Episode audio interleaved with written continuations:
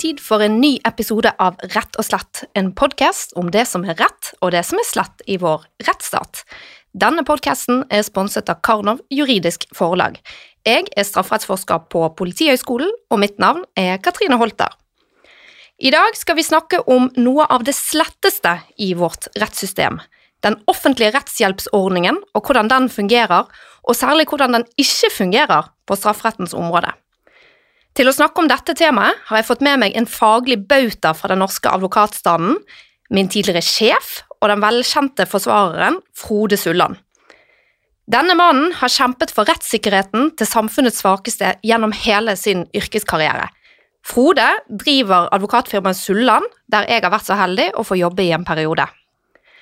Tidligere har Frode vært leder for Forsvarergruppen, og i dag leder han representantskapets arbeidsutvalg i Advokatforeningen.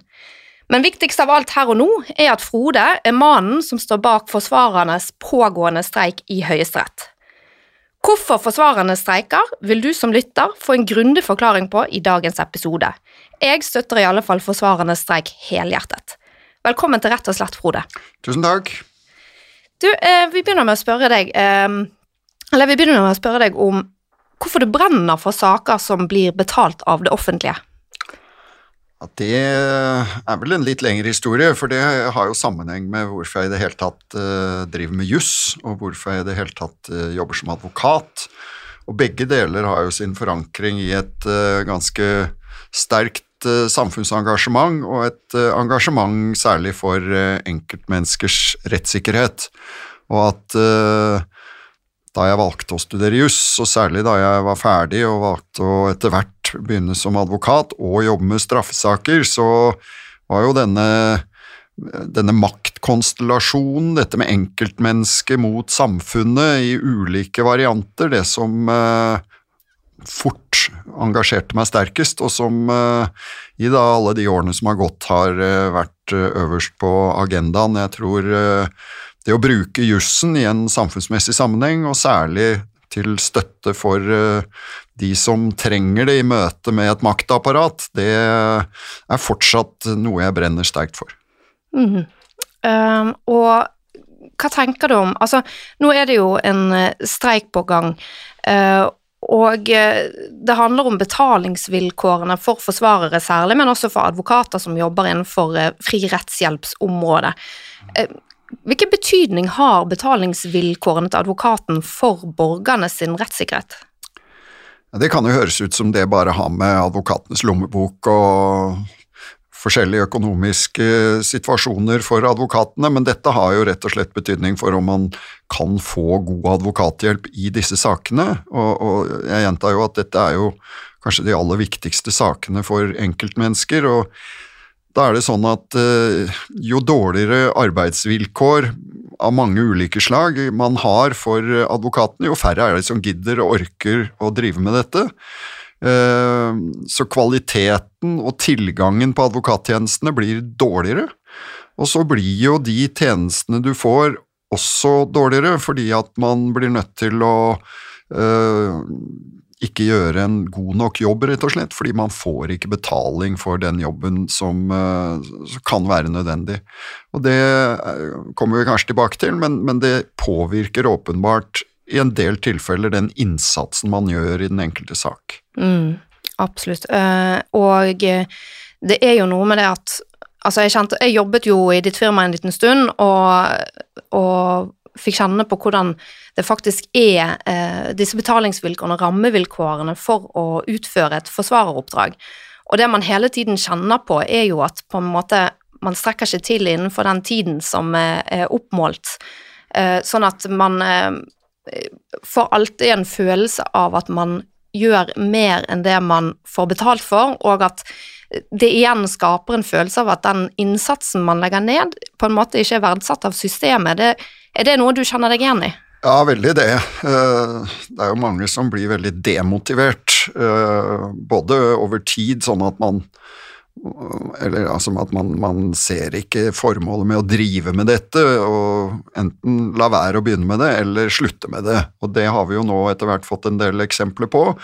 Veldig dyktige, anerkjente advokater som har drevet med straffesaker i lang tid. De har valgt å å begynne med noe helt annet, rett og slett. Eh, de har valgt å uh, bruke sin kapasitet og sin uh, tid på saker som uh, de føler blir verdsatt. Og det er klart at det har ikke bare med å ha nok til å dekke den løpende drift. Alt dette dreier seg jo om driftskostnader, dekning av det, og ikke lønn. Men, men, det har også noe med, som du er inne på, selve opplevelsen av å bli verdsatt. Altså å bli respektert for at dette er en, en viktig samfunnsoppgave. Uh, og det var jo litt pussig, ikke sant. I, I denne koronatiden så ble vi jo anerkjent for å være i en særlig samfunnssikker utsatt gruppe, som da måtte ha tilgang på barnehager og dess like for uh, å komme i jobb. Men, uh, men, det er jo ikke den uh, verdsettelsen vi opplever når det gjelder de betingelsene vi arbeider under. Ikke sant. Um, bare for uh, lytterne sin del, få ta litt av bakgrunnen her nå. Altså det er sånn at man har en offentlig salærsats, det er altså en fastsatt sum som er det det offentlige betaler for eh, rettshjelp til borgerne per time. Eh, og den er i dag på 1085 kroner. Og hadde det vært eh, lønn, penger rett i lommen til forsvareren eller til barnevernsadvokaten, så ville jo det vært lite å klage på, men det er jo ikke de realitetene vi møter her. Altså dette her er, som du nevnte, dette er, skal dekke driftskostnader. Og det er rett og slett eh, dyrt å drive som advokat. Eh, kan du si litt om hvilke kostnader er det en sånn offentlig sats skal bidra til å dekke inn? Ja, Det skal jo dekke alle kostnadene enhver næringsdrivende har. ikke sant? Det er eh, leie av lokaler, det er ansatte av ymse slag, altså alle kontoransatte osv. Det er jo alle utgifter til drift av IT-systemer, regnskap, revisor, en eh, lang rekke poster, forsikringer, pensjoner. Alle kjenner til dette som eh, har drevet næringsvirksomhet, men det gjelder jo for alle næringsdrivende, og hvis du skal ha deg en rørlegger eller en snekker, så får du jo ikke det for 1085 kroner timen. Nei, det gjør man ikke. Um, og denne satsen, 1085, den har jo ikke blitt regulert ordentlig på 20 år. Uh, og den avtroppende regjeringen de foreslo nå ingen økning i salærsatsen, mens den påtroppende regjeringen kom nå ut for et par dager siden og uh, la opp til et påslag på 22 kroner. Hvorfor er ikke dette her uh, et forslag som blir mottatt med jubel? Nei, Det er jo bedre med 22 kroner enn ingenting. Men eh, poenget er altså at vi hadde en eh, streikelignende aksjon tilbake i 1998. Og Da var jeg også med i aksjonskomiteen, og da valgte man å si opp vervene som eh, faste forsvarere i eh, både tingrett og lagmannsrett i Oslo. Det var ca. 15-20 stykker, og alle leverte sin skriftlige oppsigelse. Da skjønte daværende justisminister Odd Einar Dørum at dette må vi ta på alvor, og han la en plan for en, eh, både en rask og umiddelbar økning av den daværende satsen, og en eh, stykkevis eh, økning over litt tid. Og det øh, viste at man kan få til noe hvis man skjønner alvoret i dette. Men så har det gått galt. Altså siden da 2000 omtrent, hvor den opptrappingsplanen sluttet, så har man i 20 år hatt en nedregulering, dvs. Si man har ikke fulgt inflasjonen, og man har fått en relativ nedgang i løpet av de 20 årene, som gjør at vi i dag er virkelig en dramatisk situasjon, hvor ikke engang de 22 kronene på noe som helst måte retter opp den skjevheten som er etablert over mange år. Ja, og så tror jeg kanskje at uh, noe av utfordringen med å selge inn uh, dette budskapet også er at når folk hører ordet advokat, så tenker man uh, gjerne på en person som jobber på Aker Brygge, og som tar vanvittige timepriser på kanskje 5000-6000 kroner timen. Altså, hvordan opplever du å bli på en måte satt i bås med, med disse advokatene når du prøver å fronte denne saken? Jeg opplever at det er lettere nå enn det har vært litt tidligere. Vi hadde jo en sånn type aksjon i 2015 også, og da ble vi jo lett møtt med at eh, advokater er det nok av, og advokater tjener nok.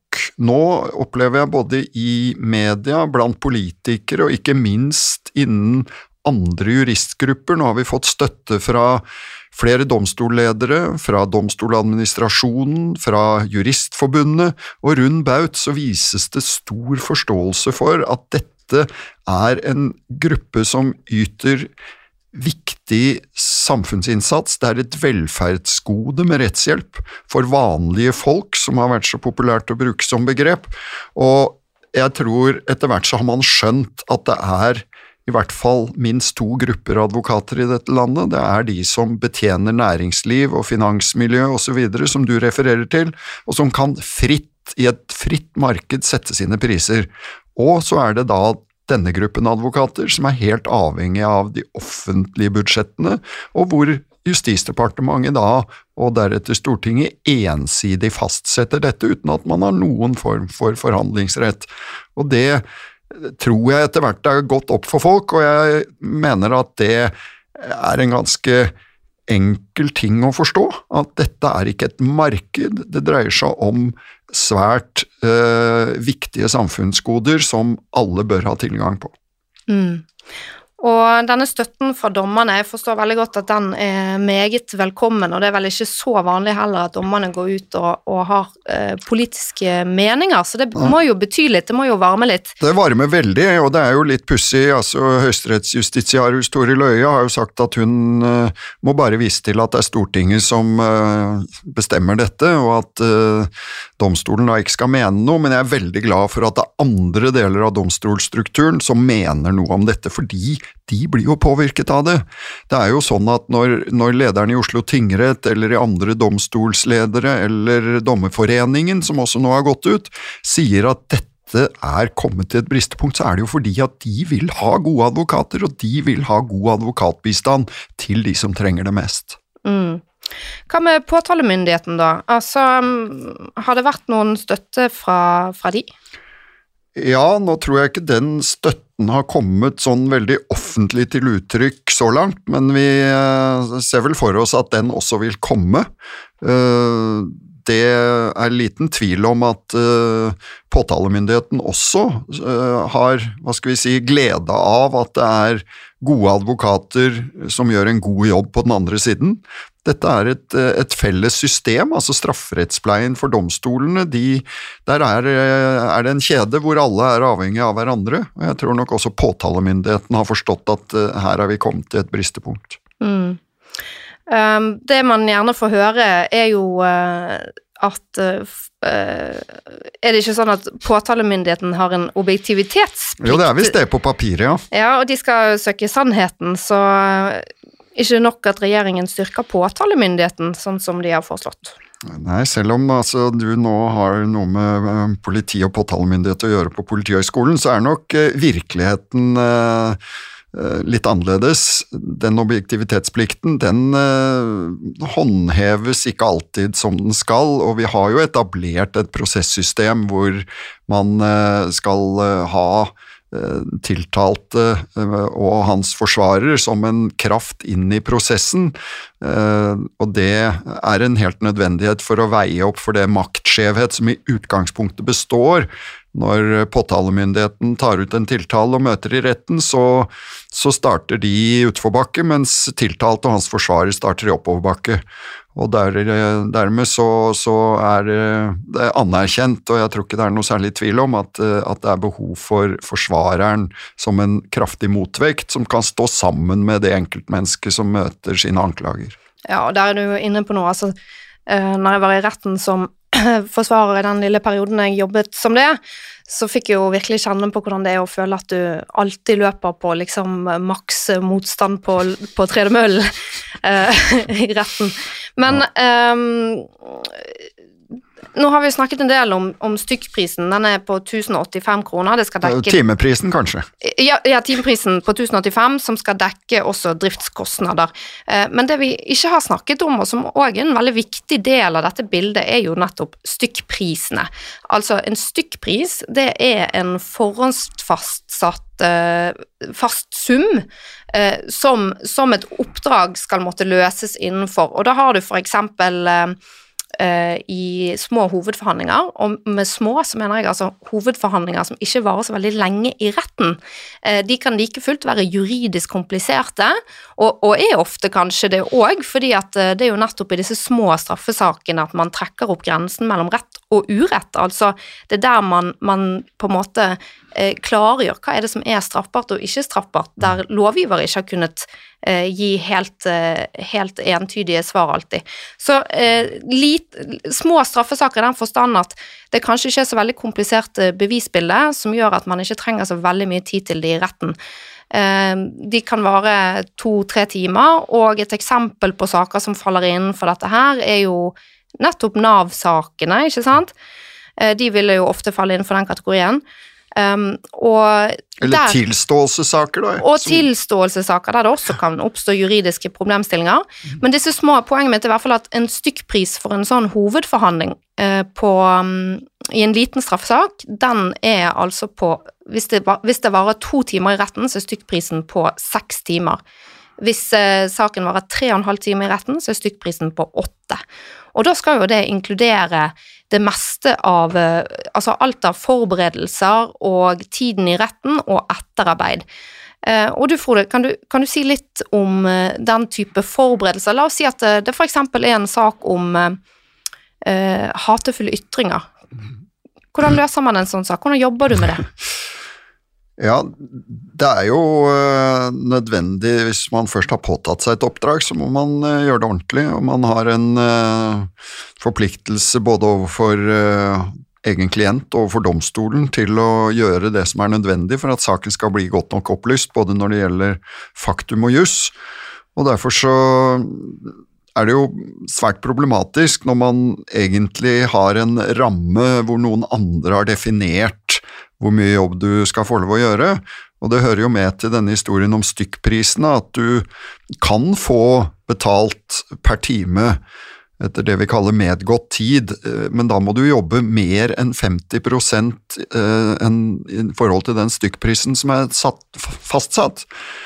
Og det eh, betyr jo på den annen side at eh, man skal være forpliktet til å jobbe 30-40% mer enn det man får betalt for, før noen anerkjenner at det er noe vits i å betale time for time. Og det, det oppleves jo også som en form for manglende respekt og verdighet, at eh, noen har satt seg ned og forlangt at du må jobbe så mye gratis når den timesatsen du jobber på i utgangspunktet altså er langt lavere enn det den burde være. Så, så, totalt sett så ender jo dette med at i mange av disse sakene så jobber man kanskje for en 500-700 kroner timen istedenfor 1085 kroner timen.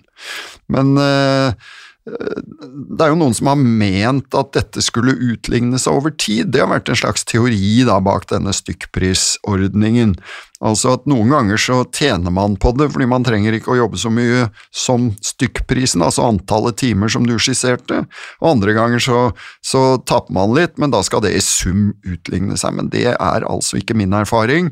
Min erfaring er at man i det alt overveiende antall tilfeller jobber mer enn det du får betalt med hensyn til antall timer, og at det veldig ofte ligger et sted under de der 50 prosentene.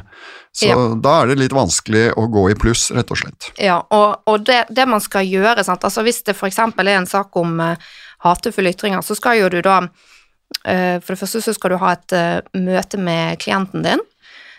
kanskje trenger du tolk i det møtet. Mm, og det, er jo, det må man jo ta med seg allerede der, at klienten er jo forskjellig, uavhengig av om det er en vanskelig juridisk sak, så er det jo sånn at samme sak kan inneholde utrolig mange forskjellige utfordringer, avhengig av hva slags klient du har med å gjøre. Noen tar jo en evighet å snakke med, andre får du ikke tak i, og så er det de som er greie å ha med å gjøre. Mm, og det, noen forstår liksom ikke helt hva som er relevant, så du kan bruke ganske lang tid for å på en måte ja, komme absolutt. til kjernen i disse samtalene. Absolutt. Uh, så du skal snakke med klient, og hvis du da i tillegg må ha tolk, så tar jo alt dobbelt så lang tid. Ja. Og så skal man uh, hente inn dokumentene fra påtalemyndigheten, og det kan jo være Altså Hatefulle ytringer, det pleier ikke å være så mye dokumenter, da, men hvis det, la oss si at det er en, en trygdebedragerisak, så kan det jo fort være 800-900 sider dokumenter mm. som du da skal lese, og de dokumentene skal du kunne før du går i retten. Altså, mm. du skal ha oversikt over saken. Uh, og så skal du snakke med klienten din. Er det, er det noen bevis du vil legge frem? Er det noen vitner jeg skal kalle inn? Mm. Så må du eventuelt ringe til disse vitnene. Uh, Og og, vi samarbeidet jo om en sak eh, rundt dette, vi, hvor eh, både det å håndtere klienten tok sin tid, men også det å, å finne ut hva slags eh, problemstillinger var det rundt situasjonen hvor disse ytringene hadde kommet. Altså det bakenforliggende scenario måtte vi jo gå ganske mye inn i. Så der var det jo ganske mye faktum å ta tak i og finne ut av, i tillegg til jussen. Absolutt. Og, og så kan det være saker der eh, det kan være nødvendig å hente inn helsedokumenter for å få belyst eh, relevante forhold for straffeutmålingen, altså for lengden på straffen. Eh, og så eh, har man kommunikasjon frem og tilbake med påtalemyndigheten, og så skal du forberede da en juridisk prosedyre og et juridisk utdrag. Eh, og et juridisk utdrag, det vil si altså at man, man samler det som er relevante dommer og kilder i en, eh, i en slags, eh, ja, hva skal vi si, en, Et hefte. et slags hefte, ja, nå er det ofte digitalt, eh, og sender det inn til domstoler. Bare det å lage det fysiske heftet, hvis man gjør det fysisk, eh, tar jo nesten en time, ikke sant? Og så skal man møte i retten eh, og, og bruke den tiden som er der, la oss si to timer, da, eh, eller tre og en halv time. Eh, og så etterpå så skal du jo igjen prate litt med klienten din, så skal du få dommen som du skal gjennomgå og vurdere om det, veldig ofte i hvert fall, vurdere om det er grunnlag for å anke. Og så skal eh, du forklare disse tingene til din klient, eh, og eventuelt da skrive den anken. Og alt dette skal da gjøres innenfor den stykkprisen som er på seks eller åtte timer. Og så som du var inne på i sted, så kan man jo da søke om å få betalt etter medgått tid, eh, men det som jeg reagerer på der, og dette her er noe som heter stykkprisforskriftene, der dette er regulert. Og det som jeg reagerer på, én ting er jo at du skal overskride mer enn 50% som du var inne på, men det er også på en måte ordlyden, altså måten man har formulert adgangen til å få medgått tid, altså betalt for den tiden man faktisk har arbeidet. For det som står i stykkprisforskriften er at da må det godtgjøres at det foreligger særlige omstendigheter ved oppdraget som, som begrunner en slik timebruk. Og Problemet med den formuleringen der er jo at den forutsetter at stykkprisene i utgangspunktet er rimelige. Mm. Og det er de jo ikke, for du kan ikke gjennomføre det oppdraget der på en forsvarlig god måte med, med komplisert jus knyttet til ytringsfrihet osv. innenfor en totalt seks timers eh, stykkpris. Nei, det har du selvfølgelig helt rett i, og, og det er jo også en, en, form for regulering som overlater det da veldig til dommerens skjønn, ikke sant. Og hvis eh, du har forsøkt å utfordre gjeldende rettspraksis eller domstolen på et sånt område, og så får du en dommer som da ikke syns noe om det, som heller vil forholde seg til det som har vært vanlig og velkjent praksis eh, opp gjennom årene, så er jo ikke det en dommer som er veldig velvillig til å si at her var det særlige omstendigheter, så det skjønner jeg veldig godt at du var nødt til å jobbe veldig mye, selv om du ikke fikk medhold overhodet. Eh, Det at man taper den saken, er jo ofte da et argument for at det var unødvendig, mens fra vår side sett, eller klientens side sett, så var det jo nettopp nødvendig å jobbe ekstra mye med den saken, fordi at vi visste at det var utfordrende å nå fram, og da var det jo nødvendig å ta ekstra hardt i, ikke sant? Og hvis du går videre, hvis du da taper, og så syns du at dette er veldig urimelig fordi han har lagt for lite vekt på ytringsfriheten, for eksempel, så skal du anke. Da har du tre timer til disposisjon for å skrive en anke til lagmannsretten over noe som trenger en grundig gjennomgang igjen med klienten, deretter jussen. Og det er i hvert fall et sted hvor denne stykkprisordningen har feilet fullstendig ankene til lagmannsretten. Ja, øh, og øh, når jeg jobbet for deg, så skrev jeg jo en del anker, og jeg skal love deg at jeg har aldri brukt bare tre timer på å skrive en anke. Jeg husker noe om det. Eh, men sant, og så er det dette her med at tanken bak er at det over tid skal jevne seg ut, at noen ganger så får man betalt litt mer enn det man har gjort, og andre ganger så får man mindre.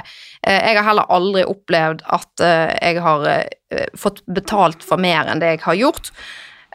Men det som Uansett så syns ikke jeg det er en veldig god begrunnelse eller en holdbar måte å tenke på, fordi at dette handler jo om den enkelte Altså, dette handler jo ikke egentlig bare om advokaten krav på, sitt krav på betaling, men det handler jo om hva er det borgeren har krav på?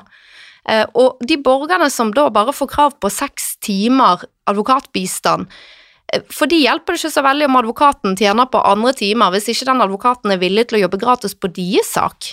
Nei, det er helt riktig det, og det, derfor så syns jeg jo hele den grunntanken med stykkprisfinansieringen i denne type saker, hvis man sammenligner det liksom med helsetjenester, altså Nei, vi kan kutte litt feil i, i, den operasjonen, og så gjør vi det riktig og, og bruker lang tid i en annen. Altså, det blir en, en form for tankegang hvor enkeltmennesket og skjebnen i den enkelte sak, og de fleste har jo én sak, ikke sant. De har jo ikke mange saker over tid, sånn at de jevner ut seg.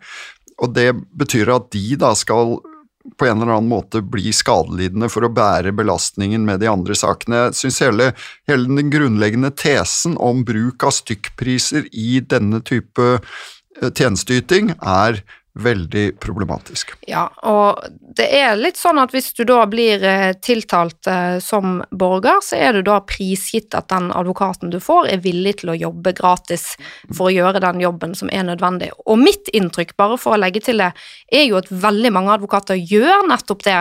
De jobber mye gratis for, eh, for klientene sine, og spørsmålet da er jo skal, skal, det være sånn i en rettsstat at vi er avhengig av masse advokater som jobber pro bono for å på en måte få rettssikkerheten til å gå opp?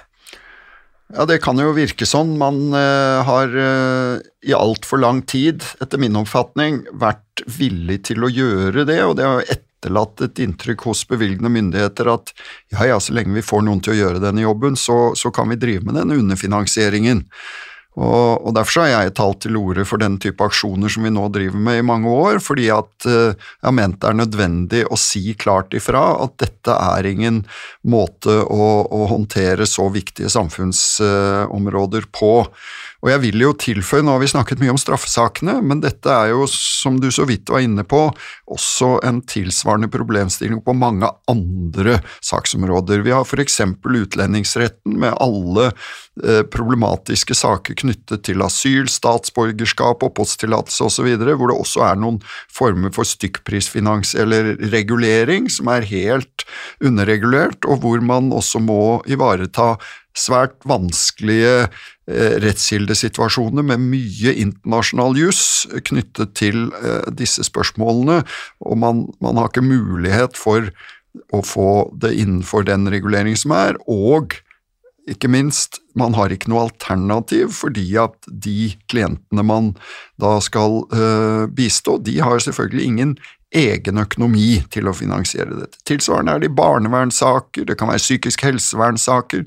Det er viktig å understreke at dette har ikke bare med straffesakene å gjøre, men det er et bredt felt som er lider under akkurat den samme underreguleringen på rettshjelpsområdet. Mm, og vi kan komme mer tilbake til de sivile sakene etterpå, men eh, tilbake til straffesakene. Altså, eh, det som er litt av kjernen her òg, er jo at du blir anklaget av staten, kanskje uriktig, ikke sant, og så har du kanskje ikke råd sjøl til å betale for advokat, og så skal du få da altså en, eh, en så begrenset hjelp. Altså jeg vil, jeg vil nesten eh, gjette at man bruker mer penger på klagebehandling på eksamen til studenter, og der får du jo i alle fall også flere runder eh, i klagesystemet. Sånn er det jo ikke i de små straffesakene, de blir jo ofte også silt i ankebehandlingen.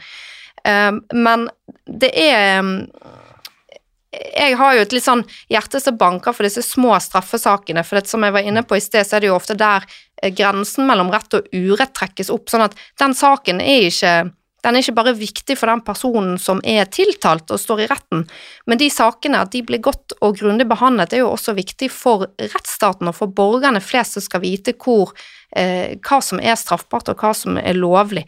Eh, og en av de tingene som jeg merket meg, eh, var, og som, som sjokkerte meg kanskje litt, grann, eh, når jeg kom på en måte fra, fra liksom utopien på universitetet og hadde sittet der og forsket og, og så hvordan det faktisk var i, i praksis, det er jo at det er eh, Opplever jeg, da, eh, liten betalingsvilje for det som knytter seg til å utrede jussen, versus det som går på, på faktum og bevis. Eh, og det viser jo nettopp disse stykkprisene, for i disse små sakene er det jo ofte jussen som er, kommer litt på spissen, eh, og ikke så mye bevisene. Eh, jeg vet ikke, hva, hva tenker du om det? Jeg er helt enig i dette. Eh, det du sier om de små straffesakene, er jo øh, også et spørsmål om øh, bevis ofte, fordi de inneholder i mange tilfeller et dårlig bevisgrunnlag. Uh, hvor uh, det er noen som er kommet til stedet, og det kan være to personer som uh, har ulike versjoner. Man har en ord-mot-ord-situasjon, og så skal man prøve å få avklart om dette er tilstrekkelig for en domfellelse, eller man har typisk også ranssaker eller slåsskamper med flere involverte, hvor det oppstår så å si hele katalogen fra strafferettens alminnelige del. Er det provokasjon, er det nødverge, er det eh, forsettet tilstrekkelig bevist, og hvor går grensen for forsettet? Det er en lang rekke juridiske spørsmål som oppstår egentlig i hver eneste sak, og det som denne finansieringsordningen fører til, er jo at advokatene tar seg ikke tid til å gå inn i en analyse av dette, og så får de ikke disse sakene belyst godt nok for domstolen, og dermed så finner heller ikke dommeren noe grunn til å gå inn i det, for det er jo ingen som har hevdet noe som helst. Ja, og stykkprisene, altså stykkprisene og også den lave salærsatsen, men kanskje særlig stykkprisene opplever jeg som en uh, trussel mot uh, ja, Nå sier jeg det litt sterkt, men jeg, jeg, tror nesten det er grunnlag for det. Det er en trussel mot et kunnskapsbasert rettssystem. Eh, fordi, som du sier, man får for lite tid til å gå inn i den juridiske litteraturen, f.eks. Og det betyr at man sitter og, og forsker på juss på universitetene, men at det er ingen som har tid til å gå inn i det som blir produsert, og sørge for at det kommer inn i domstolen, og at den kunnskapen på en måte får innflytelse på rettssystemet vårt. Og da blir jo også den juridiske forskningen noe som hvis, hvis man ønsker å nå frem med det og nå ut med det, så må du gjøre det kanskje gjennom eh, medieutspill eller eh, gjennom eh, undervisning til studenter, som kanskje blir den viktigste eh, måten å, å, øve innflytelse på, da. Mm. Um, og bare for å si det, altså Nav-sakene, altså fra Nav-skandalen, så der, der, er jo det et veldig godt eksempel på at vi, altså vi tenker jo ofte på justisfeil som noe som skjer der noen blir uriktig dømt for noe, basert på at det var feil person som ble tatt. Mm. Eh, men Nav-saken er jo et veldig godt eksempel på at justisfeil også kan skyldes eh, feiltolkninger av jussen, som blir stadig mer komplisert i en mer internasjonal verden, der vi og Eller der vi har knyttet oss opp til en del internasjonale regelverk som gjør at jussen blir vanskeligere og vanskeligere. Ja, det er helt riktig det, og jeg tror vel at uh Eh, selv om Nav-saken eh, kan fremstå som eh, veldig spesiell, så er det mulig at det ligger flere mindre Nav-saker der ute. Det må vi ikke lukke øynene for, og særlig i forhold til dette internasjonale rettskildebildet som du er innom, så er jo det utelukket i disse sakene å klare å gå tungt inn i det, for det fordrer mye tid. Skal man rekke over alt som da må gås inn i. Men hvordan er det da med Altså, for det, det er jo sånn at uh, hvis man har en straffesak som varer mer enn fem dager i retten, så blir salæret uh, fastsatt i henhold til det som heter salærforskriften, som på en måte er hovedregel. Så kommer stykkprisen inn og setter begrensninger etter, i, i, forhold til salærforskriften. Og hovedregelen i salærforskriften er jo at du skal da ha betaling etter medgått tid, altså det, den tiden du legger ned. Men hvis det er rimelig og nødvendig, den innsatsen du har gjort? Ja, fordi at i salærforskriften så finnes det jo da en begrensning som sier at domstol kan kutte i salæret ditt hvis du har benyttet lengre tid enn det som er rimelig og nødvendig. Og jeg syns jo det er en i utgangspunktet fornuftig regel. Altså man trenger en sånn adgang til å kutte i salær. Men spørsmålet er jo da eh, Hvordan er praktiseringen av det? Hvordan opplever du det? Er jo dessverre veldig varierende, og igjen så, så var litt inne på det tidligere, så kan det komme an på den enkelte dommer, rett og slett.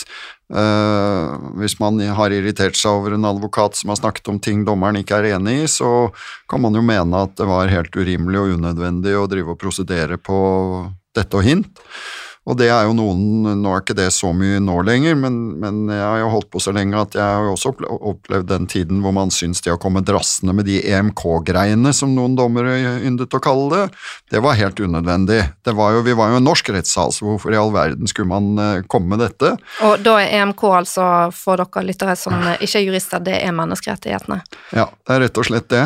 Uh, nå er jo det langt mer akseptert, og du møtes ikke av de samme hva skal vi si, innskrenkende, fordomsfulle holdningene som, som jeg refererer til, men, men, fortsatt så er det svært varierende hvordan denne muligheten for å kutte i salæret benyttes, men den benyttes uh, titt og ofte, må jeg si, og den benyttes Eh, en del ganger helt utidig og uten forståelse for eh, hva slags arbeid som den enkelte sak har eh, påkrevet, men Har du noen eksempler på det?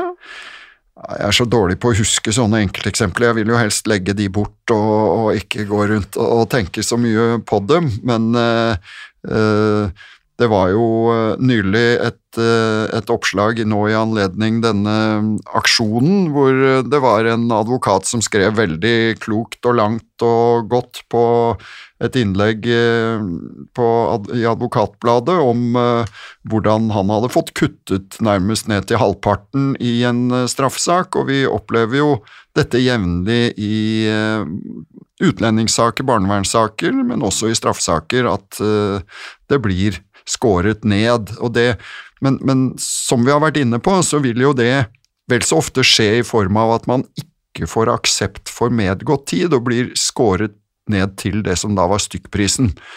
I de tilfellene hvor man er, som du var inne på, f.eks. lange straffesaker eh, som går over mer enn fem dager, og man avregner den tiden man har brukt, så risikerer man fortsatt en, eh, en nedskjæring, men Min erfaring er nok at det eh, i de tilfellene skjer i mindre utstrekning, og først og fremst hvis du har vært veldig uheldig med den dommeren som har vært veldig misfornøyd med akkurat deg. Mm. Og det, en av de tingene som jeg òg syns var, var, ganske sånn urettferdig når jeg eh, ble kjent med, med denne praksisen her, er jo òg at eh, og, og, jeg forstår jo hvorfor det er sånn, men men når man da får kuttet ned salæret sitt til det som eh, dommeren mener var rimelig og nødvendig, så hvis du da skal anke den avgjørelsen, så må jo du betale rettsgebyr, fordi at det går som en sivilsak, ikke sant? Ja. Sånn at da må jo du gjøre en sånn avveining, fordi at rettsgebyret, hva er det på nå, 6000 ja, Rett oppunder syv, tror jeg, noe sånt. 7000 kroner, ja. ikke sant? Og da må du jo gjøre en avveining, fordi at du risikerer jo da å betale rettsgebyret, men ikke få medhold i Og det arbeidet med å skrive den anken, det er det ingen som betaler deg for? Nei, selvfølgelig ikke. Det er det ikke. Nei um, Hvordan er det med gjenopptakelsessaker, da? Disse store ja, straffesakene altså, du, jo, du, er jo forsvarer uh... Det er jo en, en egen uh, bolk i denne problemstillingen, hvor det jo er mulig å bli oppnevnt uh, som offentlig oppnevnt forsvarer av uh, gjenopptakelseskommisjonen for å jobbe med dette, men de setter jo oftest da et timebegrensning på antall timer du skal få lov å jobbe med dette og forholder seg veldig til sitt eget skjønn om hvor mye som er nødvendig å, å gjøre for å fremme en sånn begjæring. Eh, det er jo et system også hvor, hvor, kommisjonen selv skal foreta en del av utredningsarbeidet. Eh, men hvor vår erfaring i hvert fall er at det er nødvendig å gjøre veldig mye etterforskningsarbeid og, og forberedelse for å servere eventuelt de nye bevisene som gjenopptakelsen skal baseres på. Så det er i grunn bare å tenke at skal man ta en gjenåpningssak, så må man jobbe gratis. Det, jeg tror aldri jeg har vært borti noen gjenåpningssak hvor ikke det har vært situasjonen. Selv om du får noen timer dekket, så er det langt, langt unna det som er det reelle arbeidstid. Ja, og da antar jeg at uh, det kanskje ikke er så enkelt å finne en advokat som er villig til å påta seg det oppdraget? Nei, det viser seg å være svært vanskelig. Med mindre man da kan betale for det selv, selvfølgelig. Ja, sånn er det med det. Men hvis, eh, hvis du har fått kuttet i salæret ditt, er det sånn at uh, du kan kreve klienten for de pengene som du ikke får fra domstolen? Nei, Det er, jo igjen også en, eh, en særegen regulering, og det kan du ikke gjøre selv om du har avtalt på forhånd. Så er det altså et slags forbud da, mot å, å, kreve betalt av klienten det som domstolen ikke vil dekke. Så du må Det er et enten-eller-system. Man kan jo betale i en straffesak selv, for selv om det er en promillesak eller en økokrimsak eller hva det måtte være, så kan man si at jeg ønsker den beste, derfor så betaler jeg selv en, en adekvat timepris. Uh, og da står man jo fritt, men hvis man sier at ja, men jeg vil i hvert fall ha det det offentlige dekker, og så kan jeg betale deg resten etterpå, så går ikke det. Du må velge enten-eller. Mm. Frode, jobber du pro bono? Ja, jeg gjør jo det i alle disse sakene vi nå har snakket om. Det er jo et pro bono-element, så å si, i nesten hver eneste sak. Men uh, det har jo ført til at vi Eh, hos oss må begrense oss når det gjelder det som er eh, hva skal vi si, pro bono-saker helt fra starten av, hvor, hvor, vi tar imot en klient som sier at jeg vil gjerne at du tar denne saken, men jeg kan aldri betale det, og det offentlige vil heller ikke betale det skjer i noen prinsipielle saker, eh, f.eks. innenfor utlendingsfeltet, hvor det jo er mange sakstyper hvor man ikke får noe dekket. Og det skjer innenfor andre, andre saksområder også, hvor vi f.eks. Eh, må gå til sivile søksmål mot staten pga. menneskerettighetsbrudd. Så vil det samme kunne skje. Men eh, for oss så er marginene såpass små, og pro bono-elementet i det daglige er så høyt at vi har ingen mulighet til å påta oss den type saker hvor det ikke er noen utsikt til noen form for dekning. Mm. Og hvis vi da går videre til eh, de sivile sakene, altså i 2017 i Norge så var det 9% av den voksne befolkningen som fylte de økonomiske vilkårene for å få rettshjelp, fri rettshjelp. Mm. Den dekningsgraden antar man er lavere i dag av, eh, på grunn av inflasjon og, og sånn. Eh, men det betyr jo egentlig at det er stort sett eh, studenter som kan få fri rettshjelp. Og måten det her er regulert på, er at det finnes en fast inntektsgrense. Hvis du tjener mer enn den inntektsgrensen, så vil du ikke kunne kvalifisere for fri rettshjelp. Og den inntektsgrensen er på 246 000 kroner for eh, aleneboende. Og 300 Her må du hjelpe meg. Nei, det husker jeg ikke. Jeg husker også 246, men akkurat grensen for uh, de som lever sammen, det tør jeg ikke si. Nei, men i hvert fall, la oss ta utgangspunkt i de som bor alene. Altså 246 000 kroner. Det betyr at uh, personer som er ufør, faktisk faller utenfor dagens rettshjelpsordning, og det er kanskje derfor også Høyesterett eh, i, jeg tror det var i våres, eh, skrev i en avgjørelse at eh, ordningen med fri rettshjelp nesten ikke er til å regne med lenger. Um, fordi den, de som er ufør, tjener Altså, de har krav på en minsteytelse fra staten som overstiger denne inntektsgrensen på 246 000.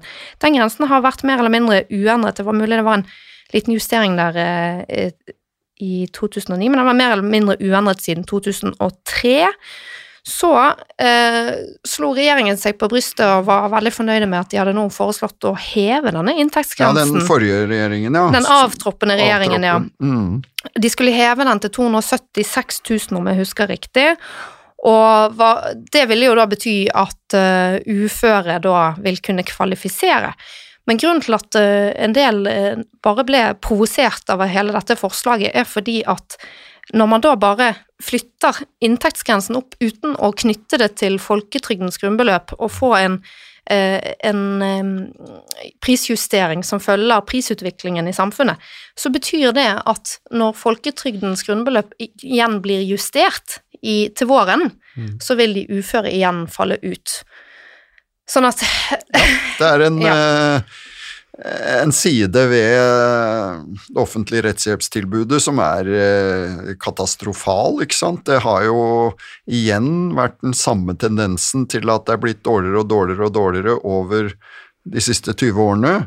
Og eh, det er jo selvfølgelig ikke en rettsstat verdig å skulle eh, si at man har en offentlig rettshjelpsordning som så å si er ikke-eksisterende. Jeg syns jo dette er eh, helt uh, uakseptabelt på alle måter, og at uh, vi nå har fått en ny regjering som heller ikke gjør et alvorlig løft på dette, det er jo veldig skuffende. Har vi en, et sosialdemokratisk rettssystem? Hva, hva, skulle det egentlig kunne være? Jeg tror vel svaret må det må være nei, fordi at det er et rettssystem som først og fremst kan utnyttes, i hvert fall da på det sivilrettslige området, av de som har råd til å betale vanlige advokater, og det er jo vanlige folk vet jeg ikke hvem egentlig er, men det er mange som vil oppfatte seg selv som vanlige folk som ikke har adgang til den eh, rettsprosessen som de ofte kan komme til å trenge gjennom et langt liv. Jeg tror selv om man skulle tjene 600 000 i året, så kan det å gå til sak mot uh, enten det er mot staten eller mot noen andre for å få håndhevet sin rett, det kan altså være så dyrt at selv da er det ikke sikkert man har råd til det. Eh, og det her skaper jo eh, problemer med likhet for loven. Ja, det gjør det. Eh, vi får vel tilføye at det er jo en del som har forsikringsordninger som vil kunne dekke opp for en, en rettshjelp, en rettssak, og, og, den rettshjelpen de, de trenger. Og det fins jo også hva skal vi si, klageordninger i forvaltningssystemet som ikke er like kostbare. Det er jo først når du skal gå til domstolen at det blir så fryktelig dyrt. Men, øh, men likevel, her er det mange ting som skulle vært i langt bedre stand. Og det som òg gjør øh, det dyrt å kunne gå til domstol, er jo at hvis du taper saken, så kan du få, eller vil du som hovedregel få motpartens øh, sakskostnader. Men det som er Eh, en side ved dette her òg som er problematisk, er jo at eh, den utøvende myndighet, altså forvaltningen, da, blir jo i liten grad eh, kontrollert av den dømmende myndighet, så det har jo en side til maktfordelingsprinsippet.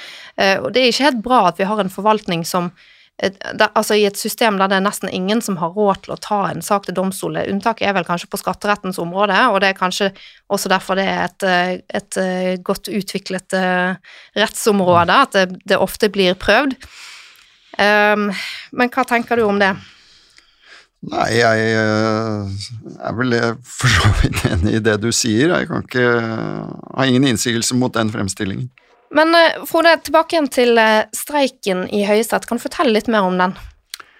Ja, dette er jo et resultat av det vi har vært inne på, at det over tid har vist seg umulig å diskutere seg fram til en endring. Altså, vi har eh, snakket med Justisdepartementet, vi har skrevet notater, Advokatforeningen har hatt møter år etter år uten å komme noen vei. Og det man eh, til slutt ble enige om, var at eh, nå må vi sette hardt mot hardt. Dette vil ikke vi noen gang klare å overbevise verken Justisdepartementet eller Stortinget om er nødvendig og fornuftig. Vi er nødt til å presse gjennom en endring. Og hva slags eh, press kan vi advokater gjøre? Vi har altså ved to tidligere anledninger aksjonert, eh, som jeg nevnte, i 1998 ved at de fastforsvarerne i Oslo nedla sine verv, og i 2015 ved at man hadde en stans i å møte i fengslingsmøter. Vi har vurdert at ingen av disse aksjonene ville kunne anvendes på nytt, rett og slett fordi at eh, vi ville ikke kunne sikre oss en full oppslutning om eh, en slik aksjonsform. Vi ville risikere at noen ville ta de jobbene likevel, eh, dessverre. Og vi ville på den måten da ha store problemer med å nå fram, men også fordi at vi ville lettere ramme våre klienter gjennom ulike aksjoner av den karakter. Og Derfor så uh, fikk jeg plutselig en lys idé,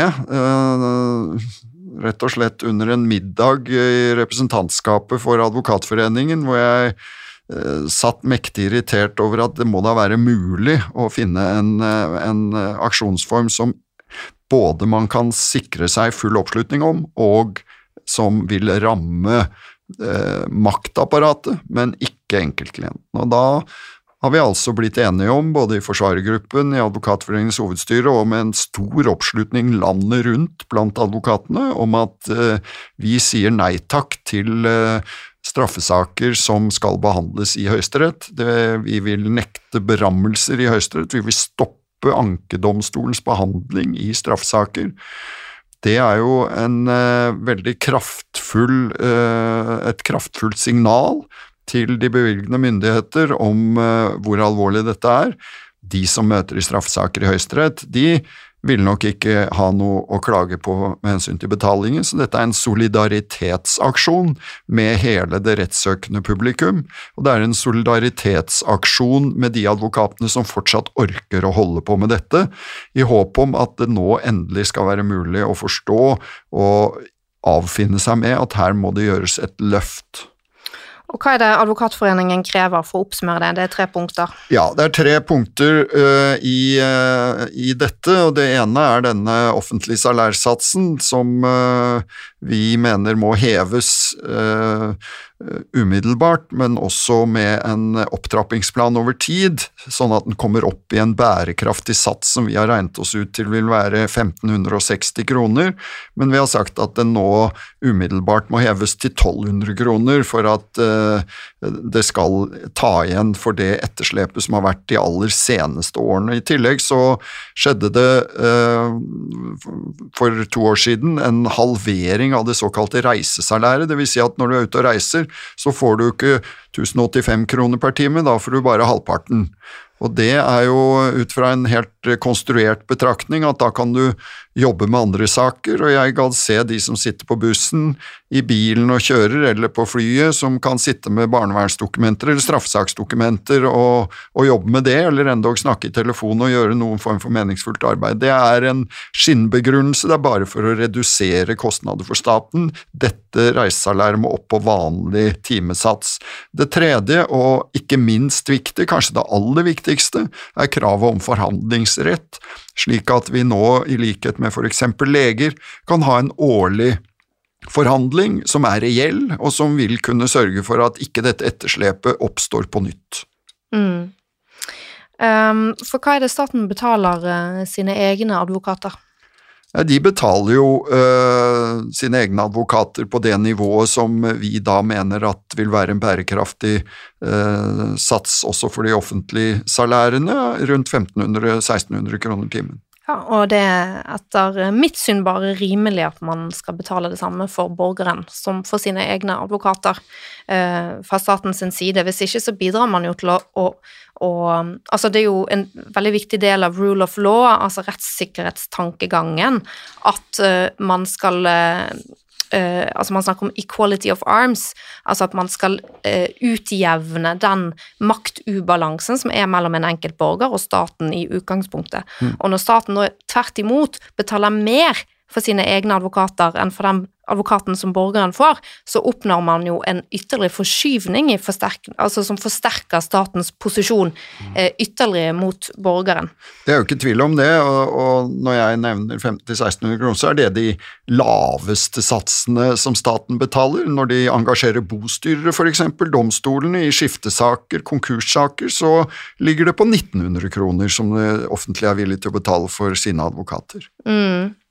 Uh, og uh, de også, det er vel også sånn at staten ofte leier inn uh, advokatfirmaer til å gjøre ulike for all del, fordi... det siste vi så var jo når Stortinget nå etter uh, Robstad-saken skulle engasjere et advokatfirma for å gå gjennom uh, hvordan dette med, med, boliger for stortingsrepresentanter håndteres, så betaler de jo da advokatfullmekter 2000 kroner, og advokater rundt 3000 kroner timen for det arbeidet som Stortinget engasjerer advokatene til å gjøre. Mm. Frode, eh, og over til et litt mer eh, personlig spørsmål. Eh, og du trenger ikke svare hvis du er ukomfortabel med det, altså, men har advokatfirmaet Sulland noen gang slitt med å få hjulet til å gå rundt? Ja, det har vi, både som advokatfirma Sulland og som advokatfirma Hestnes og Dramer, som vi jo er en fortsettelse av. Og vi startet jo opp i 1989 med den eh, litt utvidede firmakonstellasjonen som vi fortsatt er i dag. Og i svært mange år så har vi hatt eh, marginer som et resultat av denne finansieringsordningen som har vært svært problematiske. Vi har hatt situasjoner hvor partnerne over tid ikke har kunnet hatt noe uttak flere måneder. Vi har hatt år hvor vi har gått med underskudd fordi vi f.eks. har hatt sykdomstilfeller hvor eh, enkelte ansatte har vært langtidssykemeldt. Eh, vi har hatt eh, dermed porteføljer som ikke har gitt noen Altså porteføljer, saksområder for den enkelte advokat som ikke har medført noen omsetning, og konsekvensen av alt dette har vært underskuddsdrift i flere år. Det er jo selvfølgelig svært problematisk. Det er mange familier som er avhengig av uh, vår økonomi. Vi har måttet trekke på en voldsom kassakreditt for å få dette til. Det har heldigvis uh, skjedd en uh, viss omstrukturering av virksomheten nå, som gjør at vi har klart å snu den dårlige trenden det handler jo annet om at vi har funnet det nødvendig å jobbe med en del andre saker hvor det er mulig å uh, ta seg vanlig salær, ikke noe høye, høye Aker Brygger-salærer, men i hvert fall et normalt advokatsalær i en del saker, og på den måten uh, rette opp den underfinansieringen som er for det offentlige rettshjelpstilbudet. Tror du du ville klart å, å få hjulet til å gå rundt i dag hvis det bare var uh, fri rettshjelpssaker? Ikke ved en vanlig arbeidsuke på noe som helst sett og vis. Det er jo også med sammenheng i at vi jobber alt, altfor mye, og at vi har veldig mange lojale ansatte som gjør det samme, slik at den totale arbeidsinnsatsen for å få det til å gå rundt er jo helt uforholdsmessig i forhold til en vanlig offentlig ansatt, eksempel. Hvordan er det å ha arbeidsgiveransvar med de betingelsene som den offentlige salærsatsen setter for driften? Nei, det, det, er jo det man kaller utfordrende, er det ikke det? Jeg kunne brukt sterkere ord. Jeg syns det har vært uh, ytterst problematisk i mange år. Jeg syns uh, det er, av de grunnene som jeg nettopp har nevnt, litt lettere i dag. Men eh, alle som kjenner meg, spør jo hvordan i all verden har du orket? Hvordan i all verden har du giddet? Og hvorfor har du ikke valgt helt andre måter å bruke din kompetanse på? Men igjen, da er vi tilbake til der vi startet. Det dette man brenner for, og da gjør man det jo.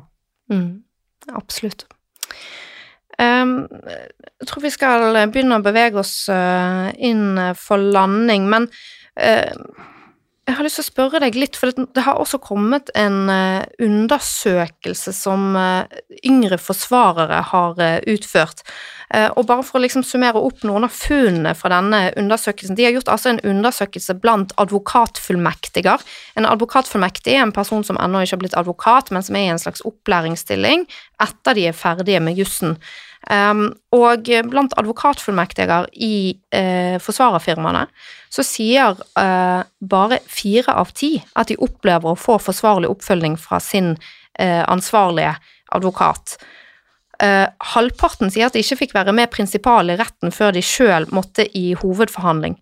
58% føler seg alene i sin arbeidshverdag. De jobber i snitt 47,5 timer i uken, og nesten halvparten jobber annenhver helg eller oftere.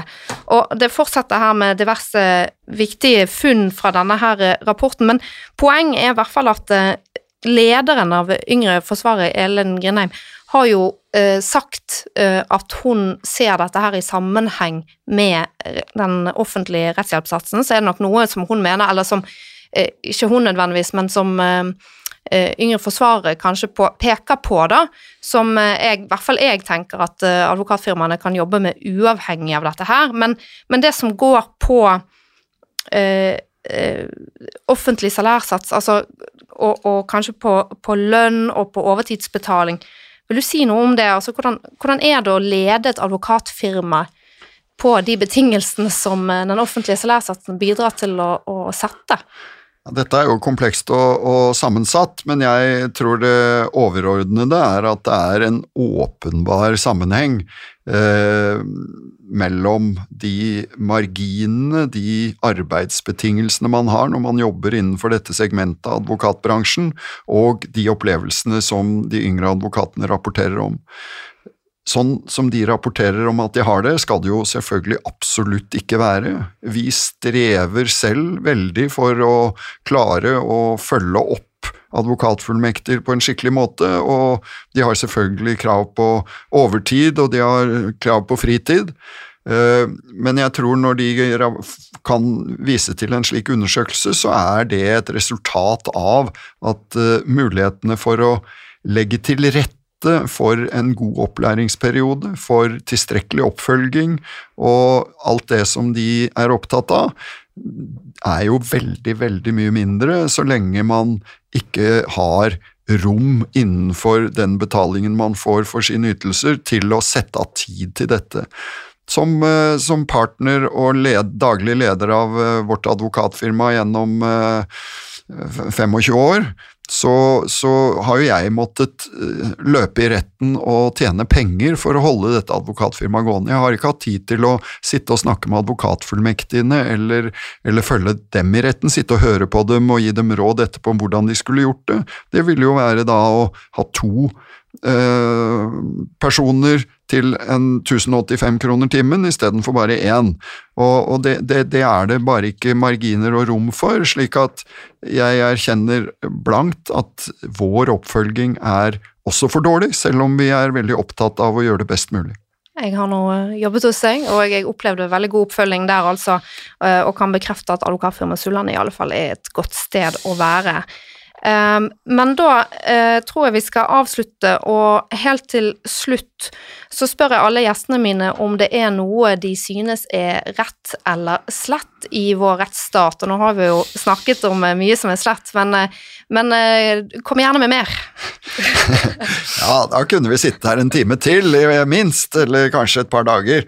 Det er jo veldig mye å ta tak i, og, og vi har jo hatt i Advokatforeningen Eh, noen årstaler som har hatt fokus på, på, utfordringer i rettsstaten, og jeg kunne sagt mye om det. Hvis jeg akkurat her sånn avslutningsvis skal peke på noe som er rett og noe som er slett, så, så er jeg jo vært den senere tiden veldig opptatt av det silingssystemet vi har hatt, som en, en slett ordning hvor altså selve ankeretten undermineres av at uh, bare halvparten av ankene i straffesaker slipper inn til ankebehandling.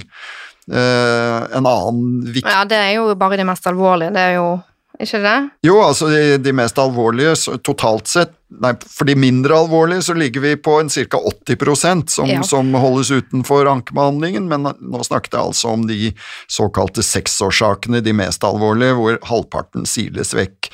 Vi håper at en avgjørelse i Høyesterett skal endre på dette, men det har i hvert fall vært en, en svært slett, en, en skamplett ved rettsstaten. En annen side er jo vår Eh, store overforbruk av varetekt, og ikke minst isolasjon, både under varetekt og under soning.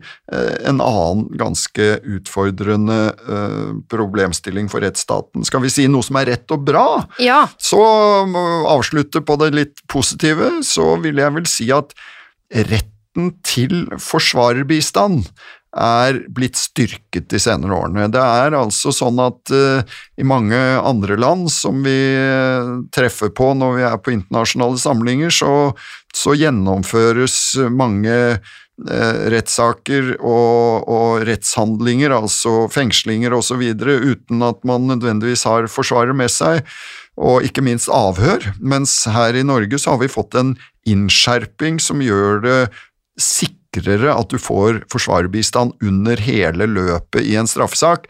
Slett ikke alltid, det syndes fortsatt, men det er blitt en styrket situasjon for rettsstaten. Ja, jeg er enig i at uh, situasjonen er absolutt bedre under uh, kanskje etterforskningen enn i de små straffesakene til hovedforhandling, iallfall.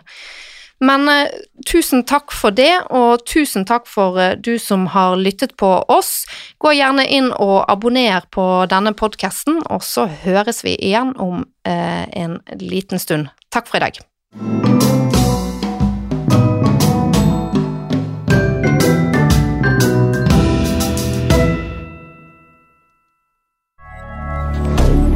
Moderne media.